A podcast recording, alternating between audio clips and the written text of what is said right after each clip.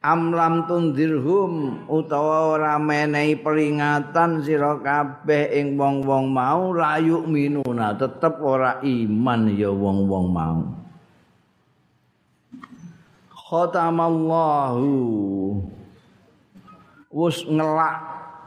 Nek gawe surat sing rahasia terus di portet kalih nika dilak. Gak bisa dibuka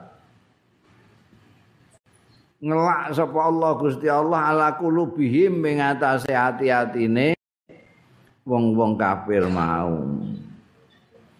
Wa ala samihim lan ing atase pangrungane wong-wong mau.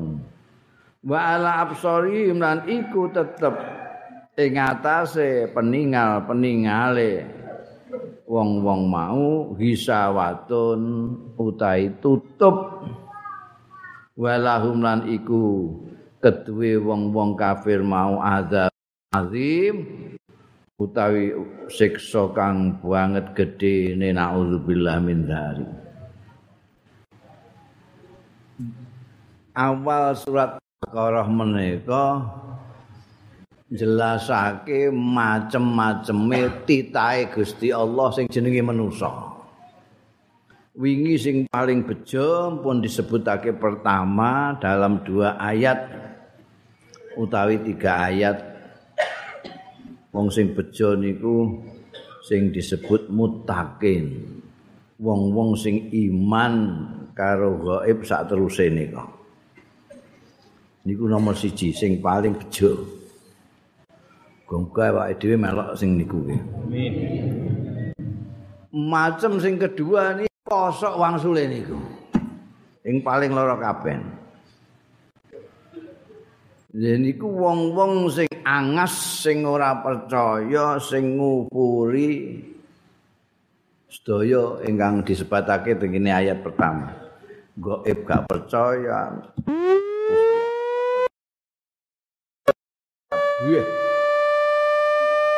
Nah, tiang-tiang sing pun disebut tengene nomor loro niki tiyang tabel niku.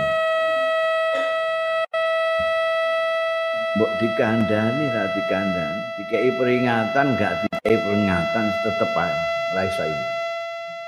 Niki nalika niku kan Kanjeng Nabi Muhammad sallallahu niku kan asli nih Kanjeng Nabi niku sipate pancen wapian. Welas asih niku luar biasa. Jadi Kanjeng Nabi pirsa banget wong nek sing ngene lakune sing ngene sing iman karo Gusti Allah sing ngene-ngene iki bakal bejo engko ning swarga. Iki Kanjeng Nabi. Lah sakniki teng kiwa tengene Kanjeng Nabi niku wonten tiang-tiang kathah sing diwelas asehi karo Kanjeng Nabi Muhammad sallallahu alaihi wasallam. Tapi ditutup ngandel iki itu gak ngandel nalika kancing nabi aja-ajak ngandhakake bab-bab sing gaib tentang Gusti Allah tentang dina akhir niku sing do ngandel kan kancing nabi. Wong-wong sing melarat-melarat niku. Sing ya ana ya ini dikalah-kalahan karo penggede-penggede Mekah niku. Nah, penggedi-penggedi Mekah ini kok angel teman kan prihatin kan Padahal nek kenek iku ku anak buah pirang-pirang. Mamane kok Abu Jahal gelem iman. Kayak sekabat Abu Bakar, begitu kok sekabat Abu Bakar iman, itu anak buah sing do seneng karo sekabat Abu Bakar melok kabeh. Tapi ora kabeh kok sekabat Abu Bakar. Allah Abu Jahal. Malah Abu Lahab pamane dhewe diajak malah misuh. Anjing Nabi prihatin banget. Hmm. Nah, terus ayat menika turun ngarem-ngarem kanjeng Nabi. Wis ngono kuwi. Sing ora percaya kuwi kufur ngono kuwi. Mbok kandhane cek ora mbok kandhane. Mbok kai peringatan cek ora mbok kai peringatan. Mbok ojen medeni neraka cek ora. Ora iman. Kok ngoten? Lho, wis dilak mek Gusti Allah. Wis dilak. Ati ini wis dilak. Gak iso buka. Nek ati niku wis terbuka, iku iso dadi HP. Dikandani iso nampa, tapi nek pun tertutup rampet, niku sampean kandhani ra iso. Beguguk. Aandar tahu amlan tunggu. Oh, mbok kandhani delok ae kok. Iki segala kaya ngono kuwi sing nitahno sapa. Ora mungkin kok ujug-ujug ngono. Ora ana kursi meja kok ujug-ujug ngono, mesti ana tukang kayu. Mbok kandhani ngono, wong dhekne ora pripate ditutupi. Kupinge niku budek. Atine dilak kupinge ditutupi. Ngopo? Mripate ana tutupe juga. Mbok dudoi iki lho buktine. Ora wong gak ketok mripate dudoi. Kandhani kowe gak krungu. Wong-wong sing dhisik-dhisik iku dihancurno karo Gusti Allah taala mergo kelakuane. Mergo kufure. Ora krungu.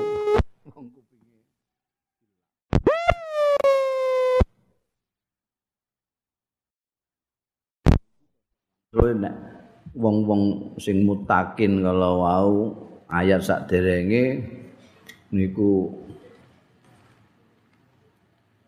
ulaika humul muflihun wong-wong sing bejo niku nggih sing mutakin niku nek niki untuk azab sing gedhe banget wong sing ngufuri napa sing diasta dening Kanjeng Rasul sallallahu alaihi wasallam niki wonten dua hal. Satu pihak Kanjeng Nabi Muhammad sallallahu alaihi wasallam niku lak Gusti Allah kon memberi peringatan. Fungsine tugasnya Kanjeng Nabi antara lain adalah memberi peringatan. Kon meden-medeni neraka ana neraka kon bebungah anane swarga. Mulane dijuluki basirun sing bebungah wa nadhirun lan sing meden-medeni sing memberi peringatan Jadi pun tugasnya kanjeng Nabi Muhammad Sallallahu Alaihi Wasallam ngandani uang. Kowe nek kepengin selamat wilujeng, iki lho carane. Nek ora kowe engko cilaka. Niki tugasnya kanjeng Nabi. Tapi niki syariat. Hakikate nek umpung pun dilak atine dikersakno Gusti Allah dadi wong kafir. Niku mbok dikandani nabi, apa meneh kok hakim. Kandani nabi ra iso.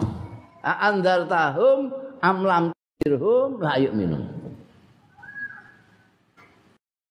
Niki pelajaran kanggo awake dhewe sing ajak-ajak apik niki.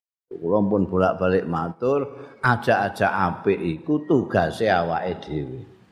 Nek awake dhewe ngerti sing apik iku ndi, kandakno wong ben wong melok apik. Ngerti dalan ning swarga, kandhani kancane ben melok ngambah dalan ning gone swarga. Nek ngerti dalan sing elek marang ning neraka, kancane dikandhani aja ngantek lewat kono mundak tekan neraka. Tapi awake dhewe kudu sadar nek awake dhewe namung ngajak. Dene wong gelem diajak.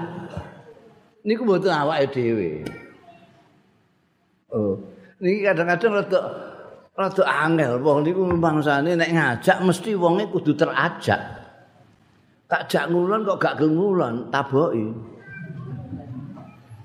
Lho, tugasmu iku ora kok ngulonno wong, ngajak ngulon. Iki wong beda mok tipis. Kadang-kadang wong gak paham. Kowe iku tugasmu ngajak ngulon. Ora kok ngulon wong. Ngulon wong ku Gusti Allah. Nek rada anu gak cerdas ora paham. Rumangsane ngejak ngulon iku ya ngulon wong mboten. Mboten. Kanjeng Nabi itu ngejak keliwat saking, masya Allah. Bungu saking sare ngantek sare malih niku penggaweane mau ajak-ajak ning swarga nglarang ning gone neraka. Lah sampean kok duwe ngejak ngulon niku ateges ngulon wong, stres sampean. Insyaallah stres. Tapi nek jenengan duwe kecerdasan memilah-milah bedakno antara ngajak ngulon karo ngulon wong sampean ayem. Ya wis aku mau sak dermo ngajak ngulon ngono ae. Dene gelem ngulon ra gelem ngulon Gusti Allah itu. Mulane kula pun wong sawang matur nek awake dhewe ngajak-ajak karo ndonga karo Gusti Allah. Ya Allah Gusti, kula menika badhe nglaksanakaken tugas ngajak tiyang dhateng margi panjenengan Gusti. Nanging sing dadosaken tiyang saged melok dhateng margi panjenengan penamung panjenengan. Mila kula suwun menika sederek kula niki. Jenengan paringi pitedah hidayah supados urun kula jak Kanjeng Nabi niku masyaallah wonten tiyang sing banget ditresnani karo Kanjeng Nabi Muhammad sallallahu alaihi wasallam. Mbelani Kanjeng Nabi nggih luar biasa. Nggih pamane Abu Thalib niku masyaallah. Hanya karena gengsi, gengsi kula pun matur balik wong Arab niku gengsi gede. Abu Jahal Raiman itu mboten kok ora percaya Kanjeng Nabi tapi gengsi. Gengsi. Oh. Wong cah diinginane sore kok melok. Lho ngoten niku gengsi. Eh. Dik niku sapa ngoten niku? Wong eh, cilikane aku roh. Gawene nyawati jambu. Saiki nek ngiyai bareng. Ngoten niku gengsi. Ora didelok iki bener ora omongane. Gengsi bener lah pokoknya semua. Niku Abu Jahal itu gengsi nah, gengsi tapi halus niku Abu Talib. Gengsi engko aku nek delokno anu napa sing nyusu nyusu gudel niku? Kebo kok nyusu gudel. Wong aku pahamane sing ngrumati ndekne kok saiki kok melok ndekne. Diwadani wong niku isin gengsi. Kuwi kanjeng Nabi niku pirsa, nek iki untuk hidayah Gusti Allah, kaya apa ae mesti. Tapi poh di arah kaya apa saja mboten saged. Ngajak Gusti Allah Nabi innaka la tahdi man ahbabta. Temen awak Muhammad ora nuduhake wong sing mbok senengi. Walakin Allah tapi Gusti Allah yahdi mayasa sing nuduhake sapa sing dikesakno? Gusti Allah. Pemenate dongeng? Ana wong sing karo Kanjeng Nabi sedemikian rupa pepet pamancer bisanan anak loro.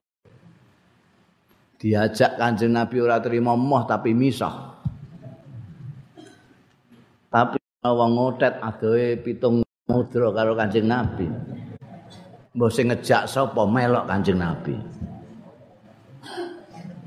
Niki sampean mboten iso jelas. No nek ora paham bab Gusti Allah taala menika maha semau gue sak kersane Gusti ora sak kersane sampean mung sak kersane nabi mawon boten innaka la tahdi man ahbab kowe ra iso.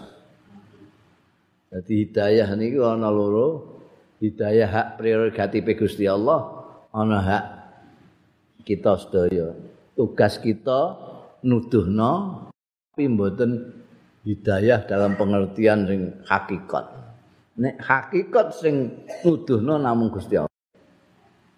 Mulane Kanjeng Nabi nggih ndongane Allah mahdi kau fa innahum la ya'lamun. Gusti panjenengan paringi hidayah. Ya tenang. Masale dijak ya gak gelem. Bangsa Khalid bin Walid malah merangi tenggene perang Uhud. Amr bin As, Ikrimah. Niki bahkan Abu Sufyan jadi panglima perang Uhud. Bahkan bojone Abu Sufyan Hindun ngemah-ngemah atine sahabat Hamzah kekasih Kanjeng Nabi Muhammad. Tapi nek Gusti Allah ngesakno. Khalid bin Walid rauna dan rana angin mara ning Kanjeng Nabi, syahadat ning ngasane Kanjeng Nabi. Khalid bin Walid sing ning perang Uhud ngocar ngacir pasukan Kanjeng Nabi. Sowan ning Kanjeng Nabi ikrar. Kanjeng Nabi ngantek dawuh, wis tak rasani wong kowe iku ora mungkin ora iman itu. Niki syariate mergo wong cerdas. Khalid bin Walid kecerdasannya rupane dedek pawakane persis Umar bin Khattab. Jadi ana wong kembar niku tapi dudu sanak. Mboten dulur kandung tapi kembar niku Khalid bin Walid kali Umar bin Khattab. Nanti kadang-kadang wong keliru. Embek Umar bin Khattab dijak ngrasani Umar bin Khattab. Mergo rumangsane Khalid bin Walid.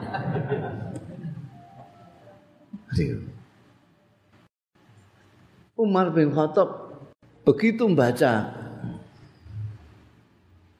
beberapa ayat Quran langsung iman. Sakwise ana yaene musoi Kanjeng Nabi Muhammad sallallahu alaihi wasallam. Mak kletik macam.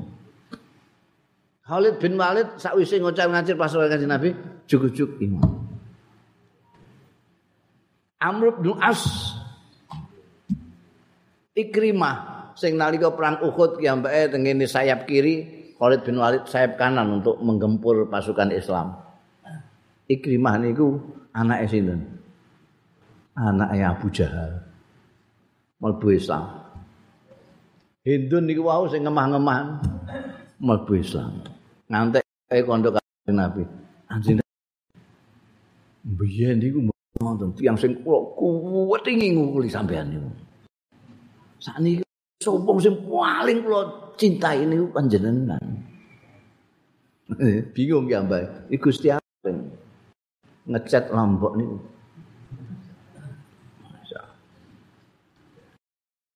Amlam tunziru lan.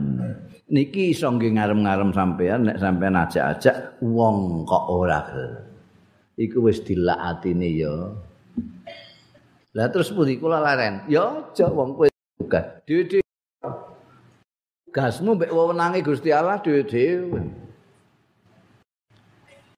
nek kowe ngerti ngono iki wong iki kafir ta ora ya Iwang iki kafir terus ta ora? Nek sampean ngerti iki bakal terus. Ya lereno ngajak. Mungkin bukti ya. Bukti sejarah pun patahe ngoten. Khalid bin Walid niku anake Al Walid bin Muhir. Jendul-jendule wong Mekah Musa Kanjeng Nabi. Ya mbak sing ngocal-ngacir pasukane Kanjeng Nabi tengene perang Uhud. sing ngira ki ambake mlebu Islam dina. Ikrimah niku tangan kanane bapak Jahal. Ini apa teng mriki, teng mriki. Bilan itu. Sinten sing ngira bakale Ikrimah mlebu Islam jadi pahlawan Islam. Mulane awake dhewe niku mboten kena. Napa niku? Asik dan Yusuf wis oh jahanam iku. Mboten ngerti mergo awake dhewe mboten ngerti. Kesane Gusti Allah iki piye? Ana gawe gak karuan dulungane kang uji awake dhewe niki sing dunung ya Allah ana wong kok gak kaya ngono iku. Kandhane kok omahe. Apa iku contone wong neraka iku? Mboten ngoten terus diajak mawon. Diajak. Anjing Nabi niku ngantek ngapundhut tetep diceh basiran wa nadhiran. Bicara soal surga untuk orang-orang yang diajak Gusti Kanjeng Nabi tenggini kebaikan, bicara soal neraka nek ora gelem. Niki orang sing kedua. Sing paling sampeyan jenengan perhatiake niku sing ketiga, jenis manusia yang ketiga nih. Nek sing pertama niku mok rong ayat telung ayat. Sing kedua niki seayat rong ayat. Rong ayat. Nek rong ayat juga. Sing tiga iki ngantek telulas ayat. Berarti Mangke pengajian ping apa ping telu niki. Sing nomor telu. Wa nan nasi may yaqulu amanna billahi wa bil yaumil akhir wa ma hum bimu'minin. Wa nasi lan iku setengah saking menungso manutai wong yakulu sing ngucap wong mau ngucape amanna billah. Iman ingsun Allah ing Gusti Allah. Wabil yaumil akhir lan dina akhir. Tapi wa mahum. Ora ana utahe wong-wong mau bimukminin iku iman padha iman. Iki jenis malih niki jenis wong sing iman karo Gusti Allah karo dina akhir terus ngamali apik disebut mutakin gelem salat gelem percaya gaib lak ana sing ora percaya blas mergo ati wis dilak mripat kupinge wis ditutupi ana setunggal niki sing ngakokno ati angel kabeh cangkeme muni amanna billahi wal yaumil akhir kaya wong-wong sing nomor siji niku aku percaya iman aku mbekan Gusti Allah percaya gaib percaya dina akhir aku percaya Tapi wong-wong niki ora iman. Niki napa? Rada angel niki wong siji niki. jenis yang ketiga niki rada ah. yukhadi'un Allah walladzina amanu wa ma yakhda'una illa anfusahum wa ma yash'urun. Fi qulubihim maradun فزادهم الله مرضا ولهم عذاب أليم بما كانوا يكذبون